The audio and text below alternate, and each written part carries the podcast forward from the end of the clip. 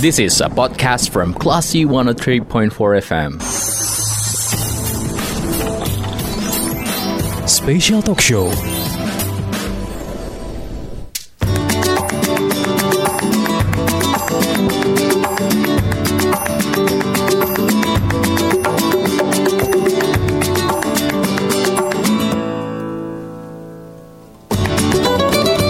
Dari BBK Putih Hindarung Padang Menurut Info Kelas FM This is the actual radio. Assalamualaikum, selamat pagi kelas people Gimana suasana hati Anda di pagi hari ini? Walaupun mendung Semoga suasana hatinya juga nggak mendung ya. Tetap semangat menjalani aktivitas di hari ini. Dan kelas people Anda mencermati special talk show di pagi hari ini. Dan kita akan ngebahas bagaimana peranan dari Bank Indonesia dalam menjaga stabilitas perekonomian khususnya di Sumatera Barat. Dan kalau kita melihat perekonomian di Sumatera Barat di kelas Bepal, memang beberapa bulan belakangan agak naik turun ya, bahkan inflasi pun cukup, sempat cukup tinggi di Sumatera Barat dan tentunya Bank Indonesia memiliki peran dalam menjaga stabilitas moneter dan juga stabilitas keuangan yang ada di Indonesia khususnya di Sumatera Barat juga. Dan dalam upaya menjaga stabilitas tersebut tentunya Bank Indonesia memiliki aksi juga dan membuat program yang mampu mencapai tujuan untuk menjaga stabilitas tersebut. Namun sebelum kita menggali apa langkah yang dilakukan oleh Bank Indonesia Sumatera Barat dalam menjaga stabilitas ekonomi di Sumatera Barat tersebut, kita akan menggali dulu nih seperti apa pandangan dan perspektif dari pihak Bank Indonesia dalam melihat perekonomian global Indonesia bahkan Sumatera Barat. Tapi kita sapa dulu, saya akan ngobrol dengan siapa di pagi hari ini. Ada Deputi Kepala Perwakilan Bank Indonesia Sumatera Barat, ada Bapak Dadang Arif Kusuba. Kita sapa dulu. Assalamualaikum Pak Dadang. Waalaikumsalam warahmatullahi wabarakatuh. Gimana Pak um, pagi ini? Alhamdulillah Mbak Dita uh, sehat walafiat uh, dan insya Allah uh, kita selalu dalam lindungan Allah Subhanahu Wa Taala. Amin. Amin. Lancar ya Pak ya perjalanan ke Indarung ya Pak ya? Ya, lancar, Alhamdulillah. Oke baik Pak. Um, seperti yang saya bilang tadi ya Pak ya sebelum kita uh, akan menggali nih langkah apa yang di lakukan atau uh, event apa yang dipersiapkan oleh Bank Indonesia kita mau menggali dulu nih pandangan Bapak bagaimana uh, Bank Indonesia itu melihat perkembangan perekonomian baik secara global ataupun di Indonesia saat ini Pak Baik, uh, terima kasih Mbak Dita. Ya, uh, kalau kita melihat saat ini pertumbuhan ekonomi global uh, melambat ya kalau kita lihat itu ya. Kemudian disertai juga tentunya banyak sekali tantangan-tantangan uh, yang dihadapi. Nah, di antaranya tingginya tekanan inflasi, kemudian agresifnya kenaikan suku bunga kebijakan moneter dan ketidakpastian pasar keuangan. Nah, ini tentunya pertumbuhan global atau pertumbuhan ekonomi global pada tahun 2023 bahkan diperkirakan akan menurun dibandingkan tahun 2022 ini. Nah, dengan resiko koreksi yang dapat lebih rendah dan resesi yang tinggi di beberapa negara termasuk Amerika Serikat dan Eropa. Nah, perlambatan ekonomi global dipengaruhi oleh berlanjutnya ketegangan geopolitik yang memicu fragmentasi ekonomi, kemudian juga perdagangan dan investasi, serta dampak pengetatan kebijakan moneter yang agresif. Nah, sementara itu, eh, di sisi yang lain, tekanan inflasi dan inflasi inti global pun masih tinggi sejalan dengan terus berlanjutnya gangguan rantai pasokan dan keketatan pasar tenaga kerja, terutama di Amerika Serikat dan Eropa. Nah, di tengah pelemahan permintaan global. Nah, ini kalau kita melihat uh, dari sisi global gitu ya. Nah, kemudian bagaimana kalau kita melihat dari sisi uh, Indonesia? Hmm. Jadi, uh, nah hal ini juga sama ya dari sisi kita, dari sisi Indonesia banyak tantangan yang dihadapi. Perbaikan ekonomi domestik Indonesia uh, terus berlanjut. Nah ini agak agak kita agak bedanya ya. Jadi kinerja ekonomi Indonesia terus menguat pada triwulan 3 tahun 2022 ini. Uh, bahkan tumbuh sampai 5,72 persen year on year. Nah, lebih tinggi dari perkiraan atau capaian triwulan sebelumnya, yaitu sebesar 5,45 persen. Nah, tentunya ini ditopang oleh berlanjutnya perbaikan permintaan domestik dan tetap tingginya kinerja ekspor. Perbaikan ekonomi nasional juga tercermin pada peningkatan pertumbuhan mayoritas lapangan usaha. Jadi kalau kita lihat terutama lapangan usaha industri pengolahan, transportasi dan pergudangan serta perdagangan besar dan eceran, ini terus uh, mengalami uh, kenaikan gitu ya berbagai indikator di bulan Oktober 2022 ini dan hasil survei uh, kami Bank Indonesia itu seperti keyakinan konsumen, kemudian penjualan eceran dan purchasing manager index atau PMI terhadap manufaktur mengindikasikan terus berlangsungnya proses pemulihan ekonomi domestik. Jadi dari sisi uh, domestik seperti itu. Kemudian dari sisi eksternal pun kinerja ekspor diperkirakan tetap kuat. Nah, khususnya batu bara, CPO, besi dan baja, serta ekspor jasa. Seiring dengan permintaan beberapa mitra dagang utama Indonesia yang masih kuat didukung oleh kebijakan pemerintah. Barangkali itu uh, Mbak Dita ini. Oke, memang uh, resesi dunia ini sempat jadi isu yang hangat juga ya Pak ya dan uh, sebagian masyarakat juga khawatir juga tapi uh, beberapa statement dari Menteri Keuangan sempat meyakinkan kalau Indonesia uh, tidak akan terdampak begitu berat oleh resesi tersebut dan dijaga stabilitas ya oleh pemerintahan juga ya Pak ya. Lalu kalau itu udah perspektif uh, terhadap perekonomian global dari Indonesia ya Pak. Iya. Nah kita lebih kerucutkan lagi untuk Sumatera Barat nih Pak. Bagaimana perkembangan ekonominya? Nah ini tadi Mbak Dita di awal sudah menyampaikan ya sudah menyinggung-nyinggung mengenai apa namanya kondisi perekonomian iya. nasional maupun di Sumatera Barat gitu ya. Baik jadi terima kasih Mbak Dita uh, terkait dengan uh, perkembangan perekonomian di Sumatera Barat ini kalau kita lihat di triwulan 3 tahun ini 2022 ini tumbuh positif. Jadi melanjutkan tren uh, perbaikan ekonomi. Uh, jadi perekonomian Sumatera Barat di tahun di triwulan 3 ini tercatat tumbuh sebesar 4,54 persen ya. Nah ini dari data yang ada di kita. Kemudian namun demikian kalau dibandingkan di triwulan sebelumnya memang terlihat melambat ya, melambat yang triwulan sebelumnya itu kan 5,080 persen, 5,08 persen. Nah Deselerasi kinerja ini disebabkan oleh uh, tertahannya permintaan domestik yang tercermin dari perlambatan konsumsi rumah tangga akibat kenaikan harga BBM dan normalisasi pasca hari besar keagamaan nasional ya, ya lebaran lah gitu ya. Nah itu, nah namun demikian perekonomian Sumatera Barat menghadapi tantangan yang perlu diwaspadai jadi walaupun uh, pertumbuhannya masih positif, nah ini juga uh, tantangan yang dihadapi juga perlu diwaspadai. Nah, ke, uh, Kenapa demikian? Hal ini tercermin dari pertumbuhan ekonomi Sumatera Barat dalam satu dekade terakhir yang cenderung mengalami tren penurunan. Jadi dalam satu dekade itu kalau kita lihat pada tahun 2011 itu pertumbuhan Sumatera Barat 6,34 persen year on year ya. Nah, di tahun 2021 kemarin itu menjadi 3,29 persen year on year-nya. Nah, kondisi ini bersumber dari uh, kinerja lapangan usaha pertanian dan lapangan usaha industri pengolahan sebagai penyumbang utama perekonomian Sumatera Barat yang cenderung terdeselerasi diikuti dengan pangsanya yang semakin mengecil setiap tahunnya. Jadi uh, ke depan diperlukan sumber pertumbuhan ekonomi baru untuk mengakselerasi perekonomian Sumatera Barat ke tingkat pertumbuhan yang lebih tinggi dan berkelanjutan gitu ya. Jadi itu mungkin uh, Mbak Dita untuk uh, apa namanya kita melihat bagaimana perkembangan perekonomian di Sumatera Barat.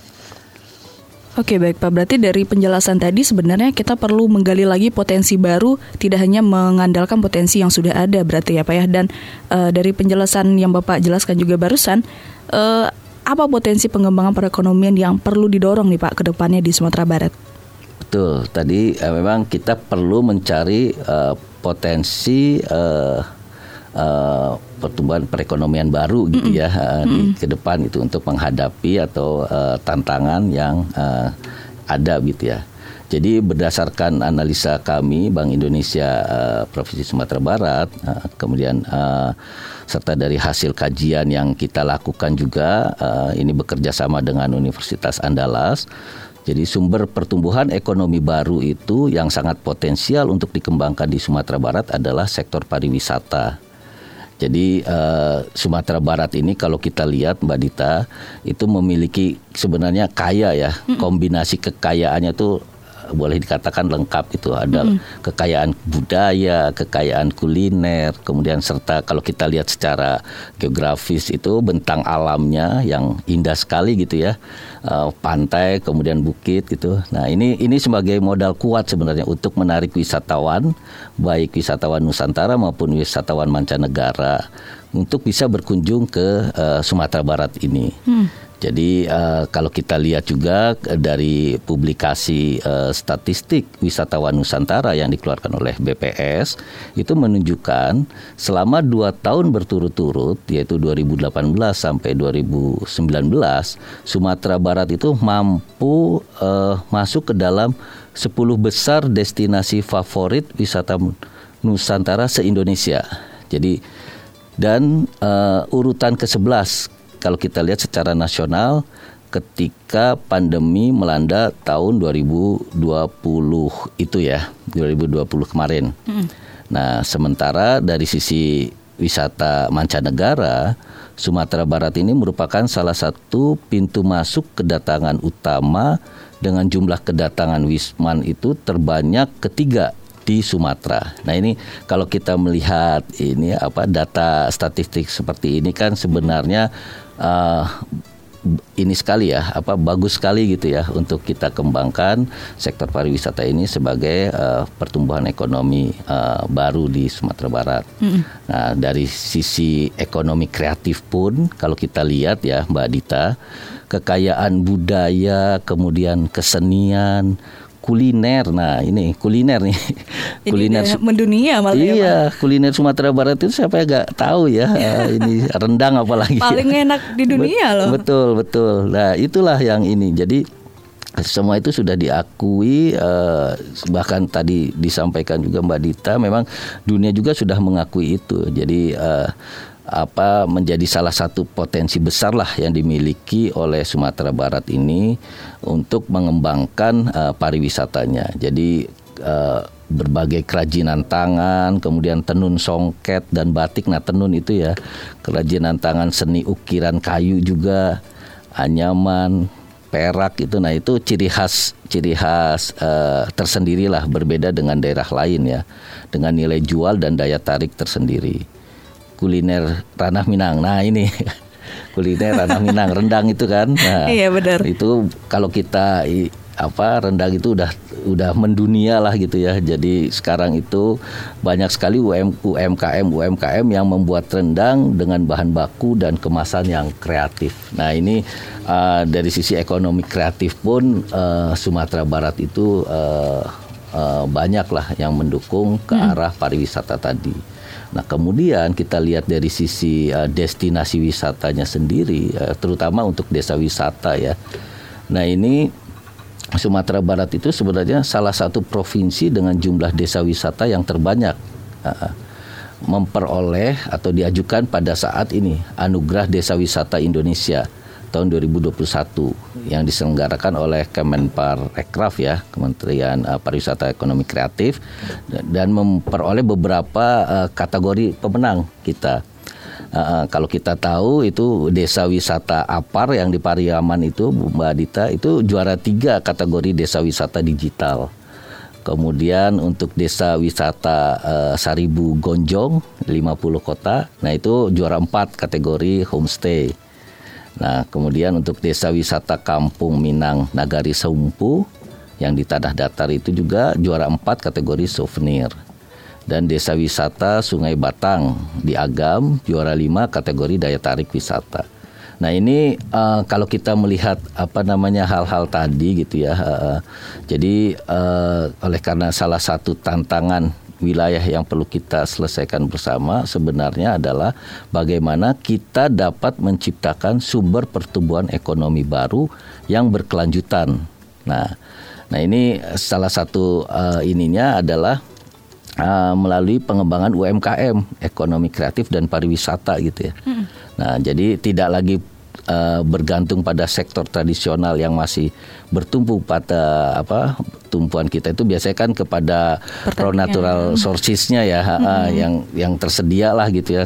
Tapi ini justru uh, UMKM ini saat ini memegang peranan penting ya untuk uh, meningkatkan perekonomian Indonesia termasuk di Sumatera Barat gitu uh, karena memberikan sumbangan signifikan khususnya dalam pembentukan produk domestik bruto dan penyerapan tenaga kerja. Nah ini sebenarnya dari uh, pariwisata multiplier efeknya itu bisa ke UMKM, ekonomi kreatif, ke tenaga kerja ya. Ya pada akhirnya akan meningkatkan pertumbuhan ekonomi terutama hmm. di Sumatera Barat. Okay. Itu Mbak Dita. Jadi um, yang perlu kita usahakan itu bagaimana masyarakat menyadari potensi itu ya Pak ya. Sebab uh, kayak beberapa daerah yang Bapak sebutkan tadi itu um, mungkin belum semua masyarakat Sumbar mengetahui prestasi hmm. itu, tapi yeah. di saat itu belum terlalu uh, apa ya terlalu menggema di Sumatera Barat sudah mendapatkan prestasi, apalagi kalau semua sektor itu sudah menyadari potensi itu mungkin akan uh, lebih masif lagi uh, peningkatannya ya, Pak ya. Betul, betul. Oke. Okay. Yeah. Dan uh, melihat berbagai potensi yang ada ya, Pak, terus juga um, pandangan dari Bank Indonesia terhadap perekonomian global Indonesia dan Sumatera Barat, tentu kita juga ingin mengetahui ya Pak peran yang dilakukan Bank Indonesia dalam menjawab tantangan tersebut. Tapi kita akan bahas di sesi berikutnya Pak. Kita jeda sebentar. Jadi kelas Popol okay. jangan ke mana-mana, cermati terus obrolan kita di pagi hari ini dalam special talk show bersama dengan Bank Indonesia Sumatera Barat.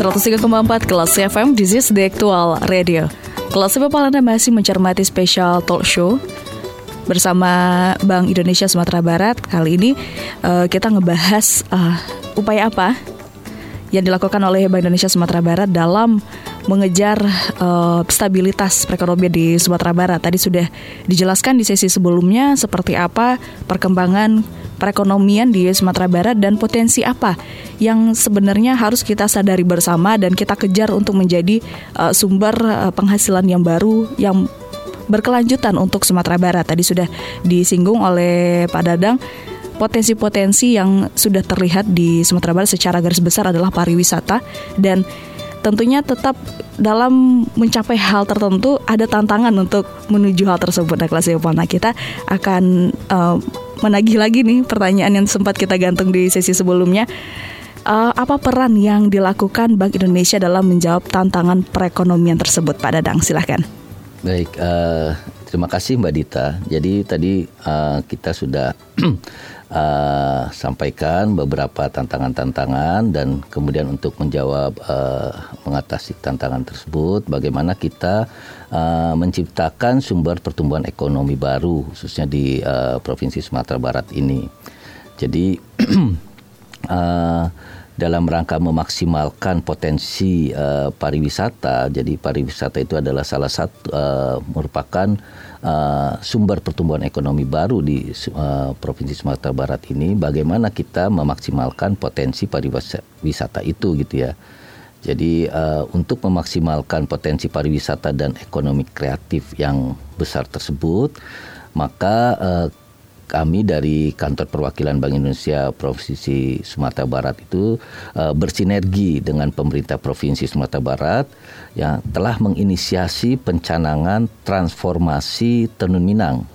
Ya ini uh, kita tahu uh, Tenun Minang itu uh, produk uh, apa asli dari uh, Sumatera Barat ya. Nah hmm. ini bagaimana kita mencanangkan uh, atau me, me, apa tenun Minang ini bisa menjadi uh, apa bagian dari uh, apa peningkatan pertumbuhan ekonomi baru tadi gitu. Nah, hmm. makanya telah dicanangkan transformasi tenun Minang itu pada tanggal 30 November 2020 antara Bank Indonesia dengan pemerintah Provinsi Sumatera Barat. Itu pada saat itu dihadiri oleh Gubernur Sumatera Barat, uh, termasuk juga uh, tujuh uh, kepala daerah, bupati dan wali kota se Sumatera Barat. Nah, jadi uh, pem, apa, Bank Indonesia Provinsi Sumatera Barat juga selain bersama-sama dengan pemerintah provinsi uh, mencanangkan transformasi Tenun juga eh, BI ini menginisiasi pencanangan tahun kunjungan wisata Sumatera Barat.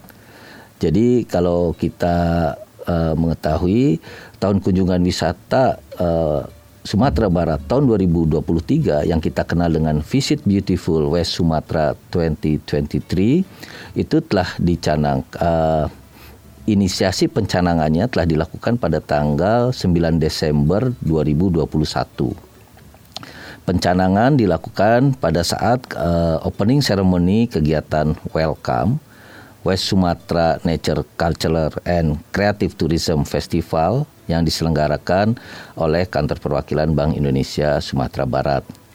Nah, jadi uh, sebagai bentuk uh, dukungan atau peran yang dilakukan oleh Bank Indonesia Sumatera Barat ini, uh, kita lebih lanjut dengan pemerintah Provinsi Sumatera Barat itu dalam uh, persiapan tahun kunjungan wisata Sumatera Barat tahun 2023 atau Visit uh, Beautiful West Sumatera 2023 kantor perwakilan Bank Indonesia Sumatera Barat juga saat ini sedang uh, melakukan upaya tindak lanjut pada tahun 2022 ini.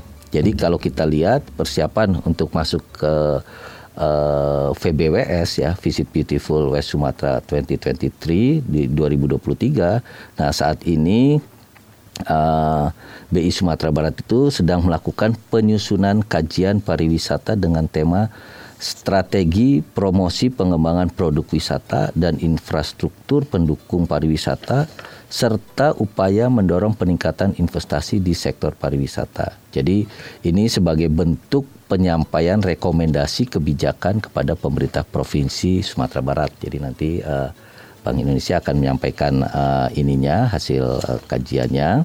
Kemudian juga uh, Bank Indonesia menyalurkan program sosial Bank Indonesia kepada desa wisata APAR tadi sudah disebutkan ya di Pariaman juara tiga kategori desa wisata digital tahun 2021. Hmm. Nah senilai 230 uh, eh, kurang lebih 230 juta ya kalau tepatnya itu sekitar 230 juta 972 ribu 500 rupiah.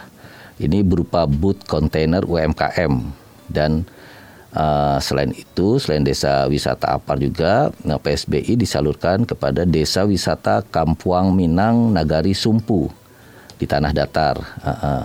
Nah ini senilai 150 juta 500 ribu berupa sarana dan prasarana pendukung pariwisata. Nah dari sisi dukungan lainnya, terhadap UMKM Sumatera Barat pun saat ini Bank Indonesia Sumatera Barat memiliki 85 wirausaha Bank Indonesia. Nah, ini kita singkat UBI ini. UBI itu ada 85, kemudian ada 25 UMKM yang menjadi UMKM uh, onboarding Go Digital dan Go Export. Nah, kemudian untuk UMKM uh, Local Economic Development, Bank Indonesia Sumatera Barat memiliki dua binaan yaitu Koperasi Kopi Solok Rajo dan Sulaman Indah Mayang Pariaman. Nah, dalam pengembangan UMKM, Bank Indonesia menyusun road roadmap-nya ya, roadmap UMKM yang meliputi empat tahapan. Jadi kalau kita lihat uh, empat tahapan untuk uh, roadmap UMKM ini, pertama UMKM yang potensial, kemudian UMKM yang sukses atau link to market and finance, jadi yang sudah uh, bisa link ke pasar dan lembaga keuangan, kemudian UMKM yang go digital serta UMKM go export. Jadi kita harapkan semuanya itu uh, eh, UMKM di Sumatera Barat ini uh, bisa uh, melalui empat tahapan ini yang pada akhirnya go ekspor gitu ya. Nah, untuk mendukung pengembangan UMKM pada setiap tahap tersebut, kita apa uh, mewujudkan UM, tentunya pada akhirnya akan mewujudkan UMKM yang kuat uh, dan mendukung percepatan pemulihan ekonomi nasional. Nah, Bank Indonesia telah membangun grand design-nya. Jadi bagaimana mendorong UMKM itu agar dapat terus tumbuh dan berkembang sebagai kekuatan perekonomian nasional, baik dari strategi pengembangan UMKM melalui korporatisasi uh, maupun kapasitas dan pembiayaan. Nah, selain itu dari sisi pengembangan ekonomi digital pada UMKM, saat ini Bank Indonesia Provinsi Sumatera Barat terus melakukan perluasan sistem pembayaran menggunakan KRIS. Nah, ini uh, salah satu uh, kanal pembayaran uh, uh, yang yang apa namanya uh, digitalisasi yaitu dengan KRIS ya. Kalau kita lihat saat ini uh, total merchant saat ini itu sudah mencapai 323.397 pelaku usaha. Nah, kalau kita lihat pengguna krisnya sendiri di Sumatera Barat ini uh, sekitar 347.187 orang. Nah, kalau kita uh, ya dari target sebenarnya kita menargetkan tahun 2022 ini uh, 469.693. Jadi ya sekitar kurang lebih sekitar 80 persen sudah uh, tercapai gitu ya. Nah, dukungan melalui nah ini uh, Craft tahun 2002 ini terlihat dari penggunaan kris untuk 100 UMKM yang hadir mengikuti kegiatan Minang Craft. Jadi nanti uh, salah satu uh, ini kegiatan untuk menuju kepada uh, Visit Beautiful West Sumatera tahun 2023 dan ini nanti akan ada uh, kegiatan Minangkabau Kreatif Ekonomi Festival yang akan uh, dilakukan.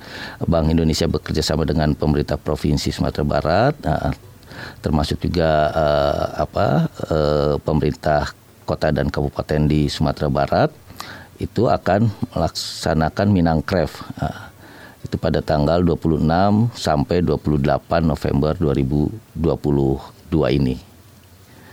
Oke, berarti um, memang semua sektor yang dikejar oleh Bank Indonesia ya, Pak ya. Selain menggali potensi, juga mengejar perkembangan digitalisasi juga uh, supaya masyarakat lebih melek lagi sama hal tersebut ya, Pak. Ya, memang saat ini kan uh, kita menghadapi suatu era uh, yang di mana memang era itu semua tidak tidak bisa apa kita harus melaksanakan itu gitu era mm. digitalisasi ini ya termasuk digitalisasi dalam sistem pembayaran nah ini yang menjadi uh, uh, apa concern dari Bank Indonesia bagaimana melakukan digitalisasi di uh, pembayaran itu atau di sistem pembayaran itu. Memang sangat terbantu sih uh, yeah. dengan menggunakan kris ini Pak. Yeah. Dan uh, saya yang cukup penasaran ini Pak uh, terkait dengan beberapa UMKM yang dibimbing oleh BI ya Pak ya. Berarti para UMKM yang dibimbing BI ini um, memang rekomendasi dari masing-masing daerah ya Pak? Uh, kami sih membuka ini ya terbuka biasanya hmm. uh, uh, ininya terbuka untuk para UMKM. Nanti itu pun akan uh, kita seleksi, uh, artinya sifatnya selektif. Mungkin dari yang masuk kita seleksi itu ada teman-teman nanti yang uh, apa namanya melakukan itu sampai akhirnya kita itu akan menerima uh, beberapa UMKM yang telah sesuai dengan kriteria yang kita tetapkan gitu. Oke, menarik sekali. Yeah. Dan kelas People tadi Pak Dadang sudah singgung-singgung nih Minang Craft 2022 dalam upaya uh, menjawab tantangan potensi tadi ya Pak Dadang ya. Tapi uh, kita akan jeda dulu kelas People kita akan bahas ini di sesi berikutnya. Dan kelas People terkait dengan event Minang Craft 2022 atau Minangkabau Creative Economy Festival tahun 2022 ini Anda bisa bertanya terkait detail uh, informasi event ini yang dilaksanakan oleh Bank Indonesia Sumatera Barat ini bisa jadi nantinya Anda ingin menjadi bagian berkontribusi dalam event tersebut ya Pak ya. Silakan Anda bisa bertanya, nanti bisa lewat WhatsApp kelas FM di 0812 660 1034 atau via telepon di nomor yang sama juga bisa. Kalau gitu kita jeda sebentar setelah pesan-pesan yang berikut ini.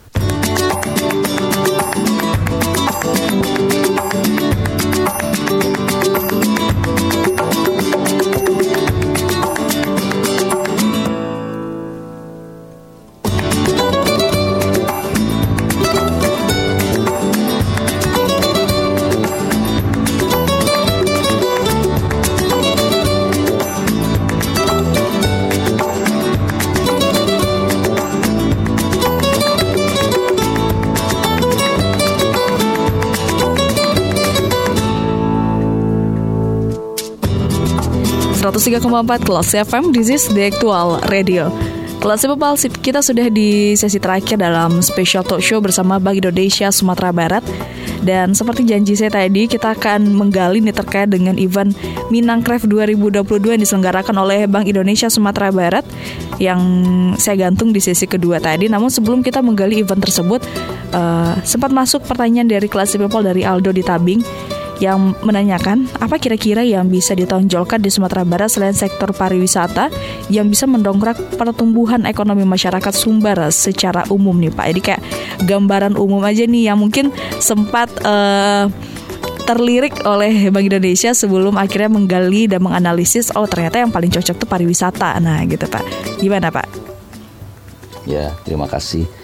Uh, kalau saat ini memang uh, kami memfokuskan uh, untuk pertumbuhan ekonomi baru itu adalah uh, pariwisata gitu ya ininya. Jadi kalau uh, uh, pasca pandemi ini justru apa yang kira-kira uh, memberikan dampak multiplier efeknya itu yang besar gitu terhadap pertumbuhan ekonomi Sumatera Barat. Nah ini yang kami kita fokuskan itu di uh, ternyata hasil kajian kita melihat bahwa pertumbuhan ekonomi baru di Sumatera Barat uh, terkait apa pasca atau di masa pandemi ini adalah uh, pariwisata. Dan itu yang uh, kita sampaikan uh, kepada uh, sebagai apa uh, advisory pemerintah daerah. Kita sampaikan kepada pemerintah provinsi bahwa uh, pariwisata merupakan uh, sumber pertumbuhan ekonomi baru di Sumatera Barat gitu. Barangkali itu ya. Kalau yang lainnya mungkin perlu dilihat dilihat secara komprehensif gitu. Kira-kira uh, apa yang uh, apa bisa dijadikan uh, sektor ekonomi apa yang hmm. bisa dijadikan sebagai uh, pertumbuhan ekonomi baru lainnya. Tapi itu kelihatannya perlu hmm. perlu suatu kajian uh, komprehensif gitu. Kira-kira apa yang bisa di uh, jadikan sebagai uh, bagian dari pertumbuhan ekonomi baru. Iya. kali itu. Uh, karena um, untuk mencapai kesimpulan bahwa pariwisata salah satu potensi baru pun sudah melewati kajian yang cukup panjang ya Pak ya dan analisis yeah. yang cukup kompleks dan dan juga kayak pariwisata ini pun juga sebenarnya potensi baru karena potensi sebelumnya ya kita umumnya pada bergantung pada alam ya Pak dan ini juga memang belum apa ya masih butuh sosialisasi untuk masyarakat menyadari hal tersebut ya Pak. Dan uh, seperti pembahasan kita sebelumnya Pak terkait dengan event Minang Craft 2022 deh Pak. Um, tadi sempat disinggung, Bapak langsung kasih gambaran Minang Craft itu um, secara garis besar. Cuman kan kita perlu informasi detail ya Pak ya. Sebenarnya Minang Craft 2022 Road to Visit Beautiful West Sumatera 2023 ini um, seperti apa Pak eventnya? Jadi uh, begini Mbak Dita untuk kegiatan Minang Craft ini sebenarnya uh, kan tadi disampaikan bahwa sebagai bentuk dukungan lebih lanjut kepada pemerintah provinsi Sumatera Barat gitu ya dalam mengembangkan pariwisata dan ekonomi kreatif serta persiapan tahun kunjungan wisata Sumatera Barat 2023. Nah, ini Bank Indonesia uh, Provinsi Sumatera Barat ini uh, bekerja sama dengan pemerintah Provinsi Sumatera Barat itu mengadakan kegiatan uh, Minangkabau Kreatif Ekonomi Festival tahun 2022 atau yang tadi disampaikan oleh Mbak Dita uh, Minangkref 2022. Nah, Minangkref 2022 ini uh, temanya adalah sinergi dan kolaborasi dalam mengembangkan ekonomi kreatif dan pariwisata Sumatera Barat. Jadi Minangkref itu adalah kegiatan dari Kito untuk Kito Basamo Oke, gitu ya. Dari Kalau, kita untuk kita ya. Ya, betul. Jadi uh, bentuk inilah uh, kegiatan uh, Ale Gadang atau ini ya kegiatan besarnya uh, uh, Sumatera Barat gitu ya. Jadi Minangkref ini salah satu wujud uh, kolaborasi jadi an dan sinergi antara pemerintah Provinsi Sumatera Barat dan uh, Bank Indonesia Sumatera Barat serta seluruh pemangku kepentingan di uh, Sumatera Barat dalam mengembangkan UMKM, ekonomi kreatif dan pariwisata menjadi sumber pertumbuhan ekonomi baru. Jadi uh, mungkin bisa saya sampaikan juga di sini bahwa tujuan daripada kegiatan uh, Minangkref ini adalah menumbuhkan dan menginspirasi munculnya inovasi dan kreativitas di masyarakat. Kemudian uh, menampilkan potensi kreativitas masyarakat Sumatera Barat sebagai ajang promosi produk-produk UMKM kreatif Sumatera Barat dan sebagai kegiatan road to uh, visit beautiful West Sumatera 2023. Jadi uh, tentunya untuk mendukung promosi tahun kunjungan wisata tahun depan lah ya uh, yang tinggal satu bulan lagi ya Mbak Dita ya.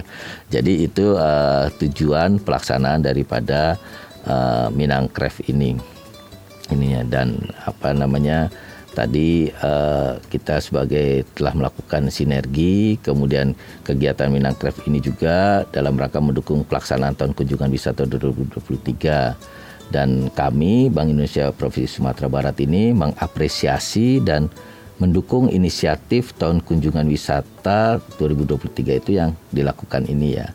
Semoga nanti pelaksanaan tahun kunjungan wisata 2023 dapat memberikan banyak manfaat terutama dari sisi kunjungan dan investasi gitu. Barangkali itu Mbak Dita. Oke baik Pak.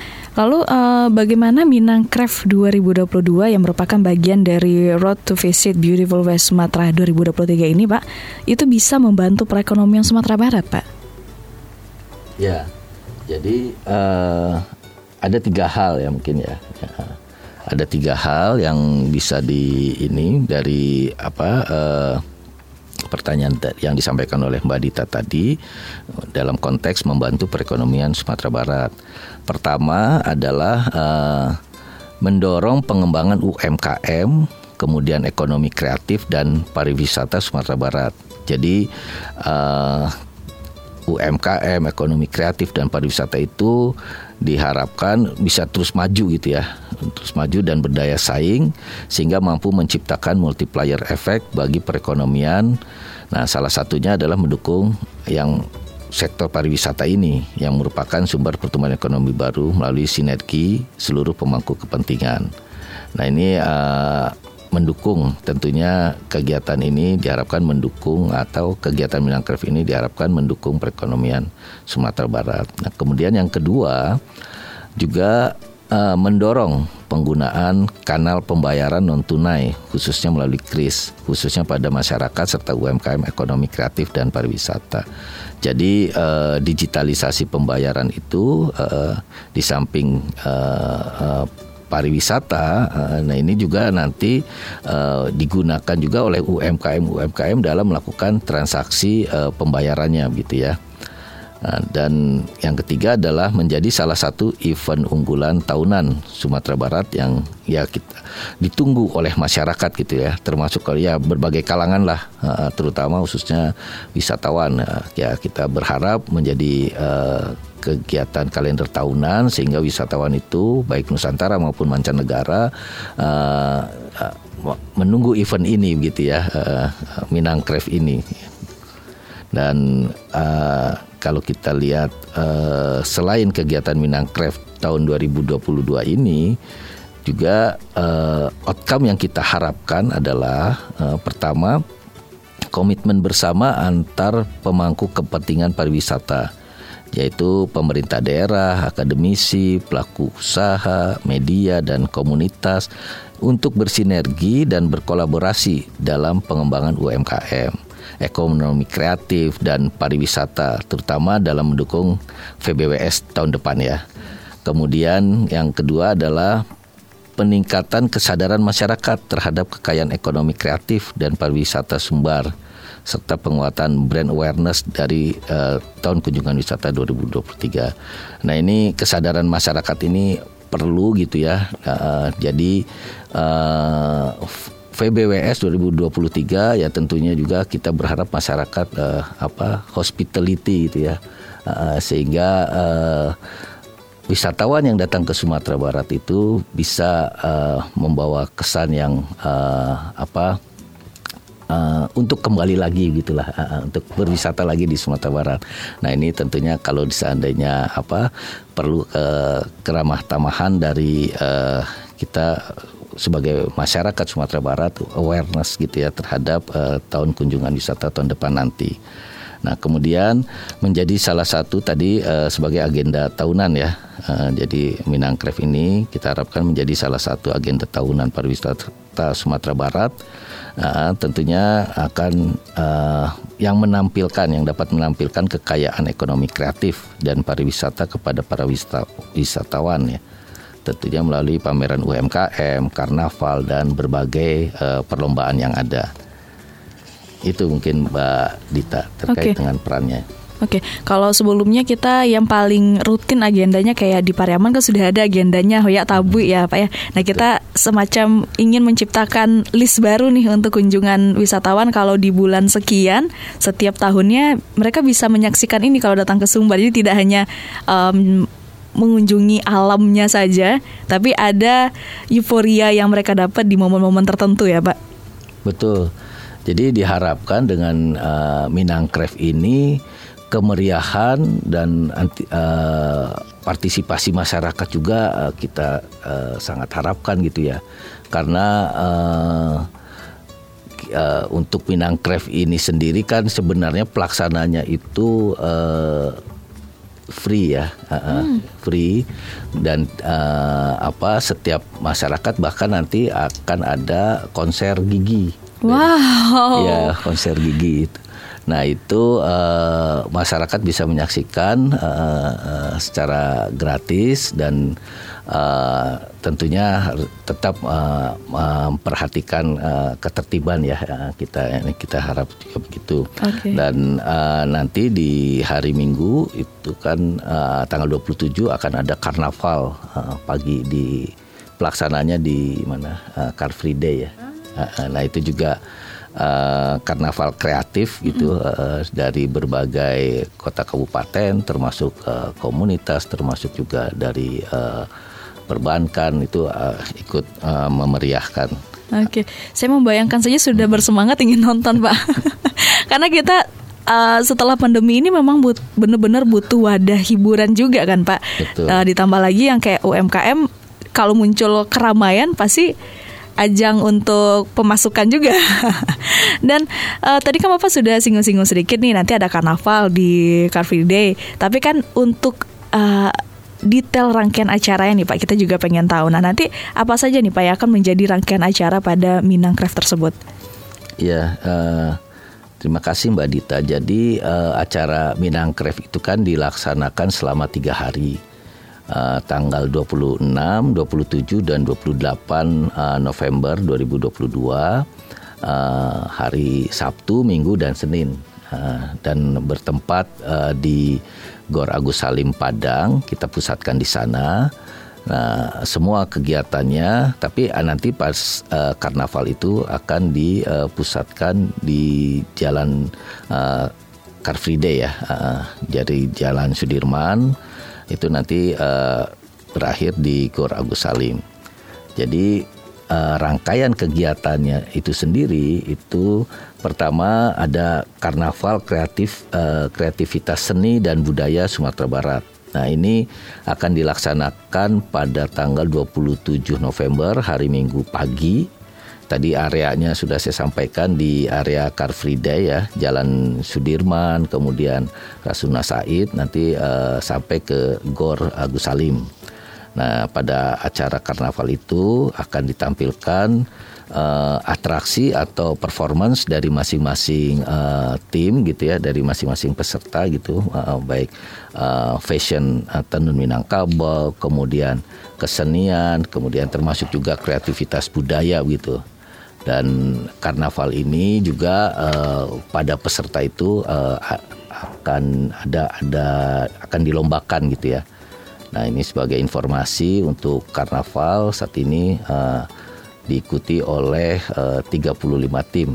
Uh, jadi dari mewakili dari instansi pemerintah kota, kemudian uh, asosiasi gitu itu sudah sudah ada. Nah jadi kami harapkan juga masyarakat nanti pada saat pelaksanaan karnaval ini bisa uh, beramai-ramai gitu ya menyaksikan uh, acara ini sebagai bentuk uh, ini uh, uh, ekonomi kreatif yang ada di Sumatera Barat gitu ya uh, ininya. Dan uh, pelaksanaannya pagi hari Car Free Day ya. Car Free Day itu kan mulai pagi gitu ininya. Jadi mm -hmm. uh, silahkan uh, masyarakat uh, mendatangi lokasi sepanjang jalan uh, Sudirman uh, Rasuna Said kemudian berakhir di uh, Gor Agus Salim.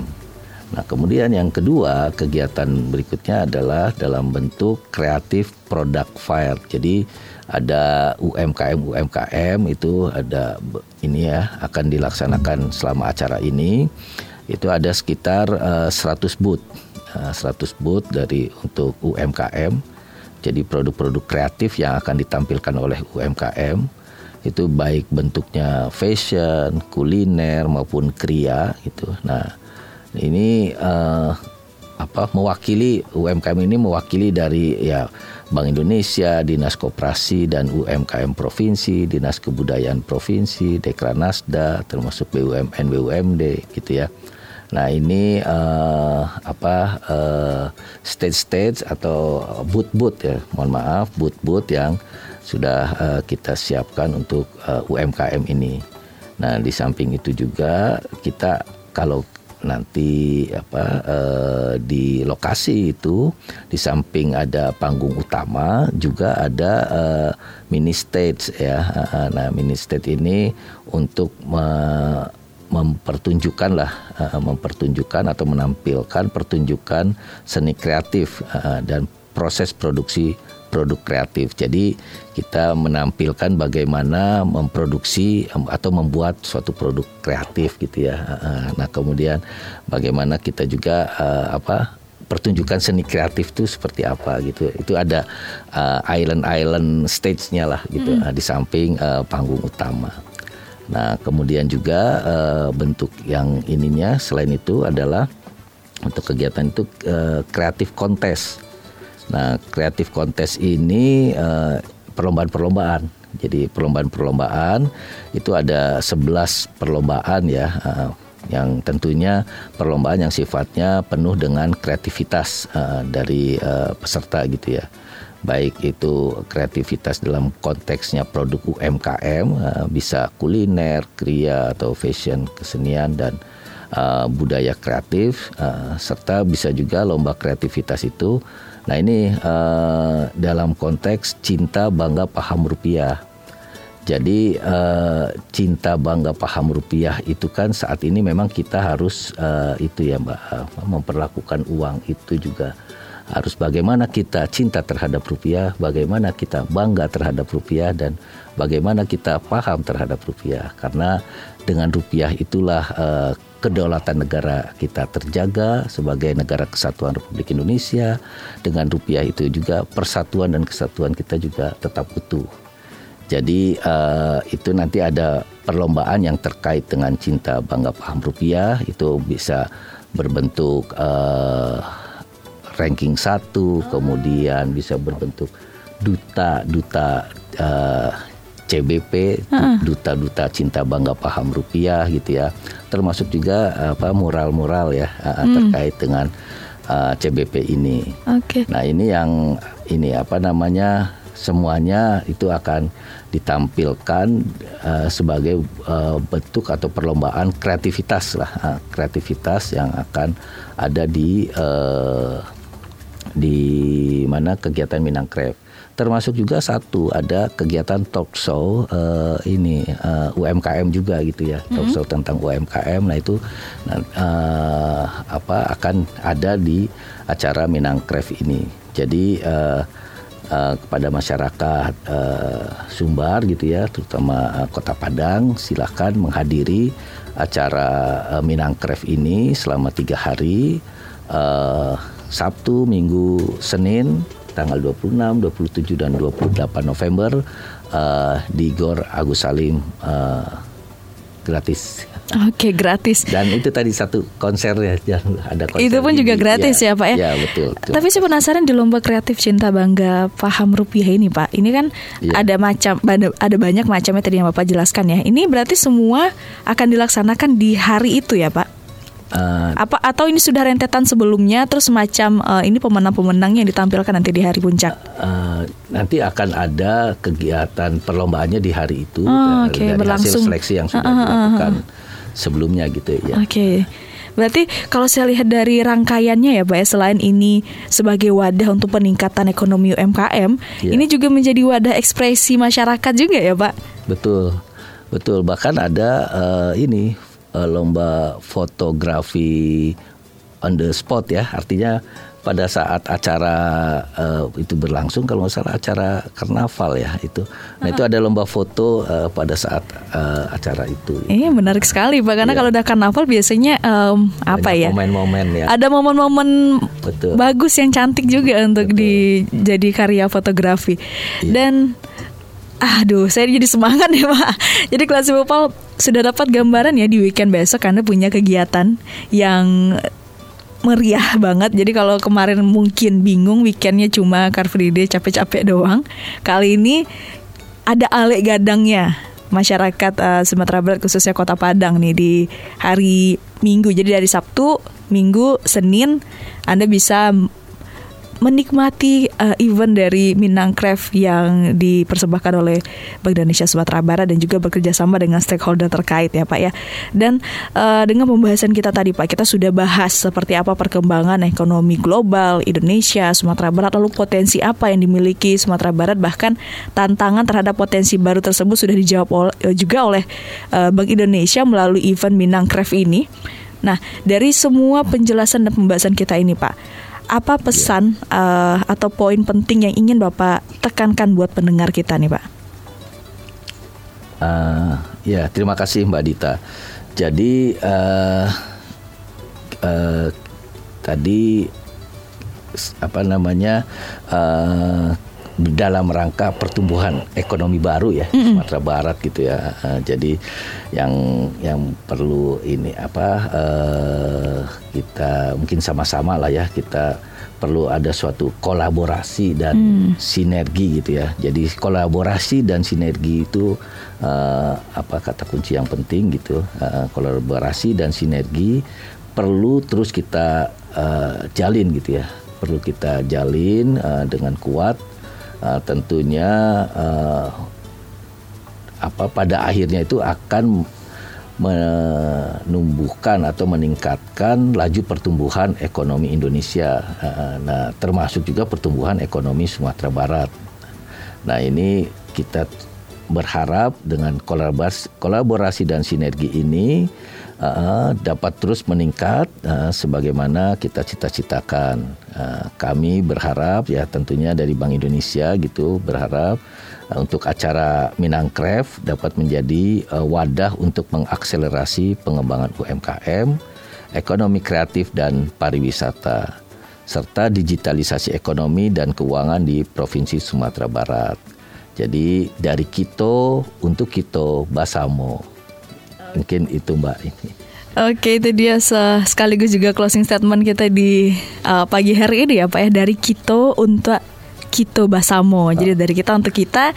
Jadi dari Pemprov menghadirkan untuk masyarakat. Jadi mari kita ya. sama-sama menikmati dan juga memanfaatkan apa yang sudah uh, diciptakan wadah oleh Pemprov dan juga Bank Indonesia Sumatera Barat. Dan kelas People, terima kasih Anda sudah mencermati obrolan kita di pagi hari ini. Semoga menjadi insight baru untuk Anda yang mungkin sedang memahami potensi apa yang mungkin bisa Anda gali Mungkin Anda bagian dari pelaku MKM juga dan sudah dipaparkan di potensi yang menjanjikan di Sumatera Barat adalah pariwisata. Terima kasih atas atensinya kelas People. Kalau gitu saya Dita Indira mewakili Pak Dadang juga di pagi hari ini um, mengucapkan terima kasih atas atensinya dan pamit ya Pak ya. Baik. Ya. Dari kebersamaan kita di pagi hari ini. Kalau gitu assalamualaikum and then see you. Assalamualaikum warahmatullahi wabarakatuh. The Action Radio, radio. more than just talk, more than just talk. Classy FM.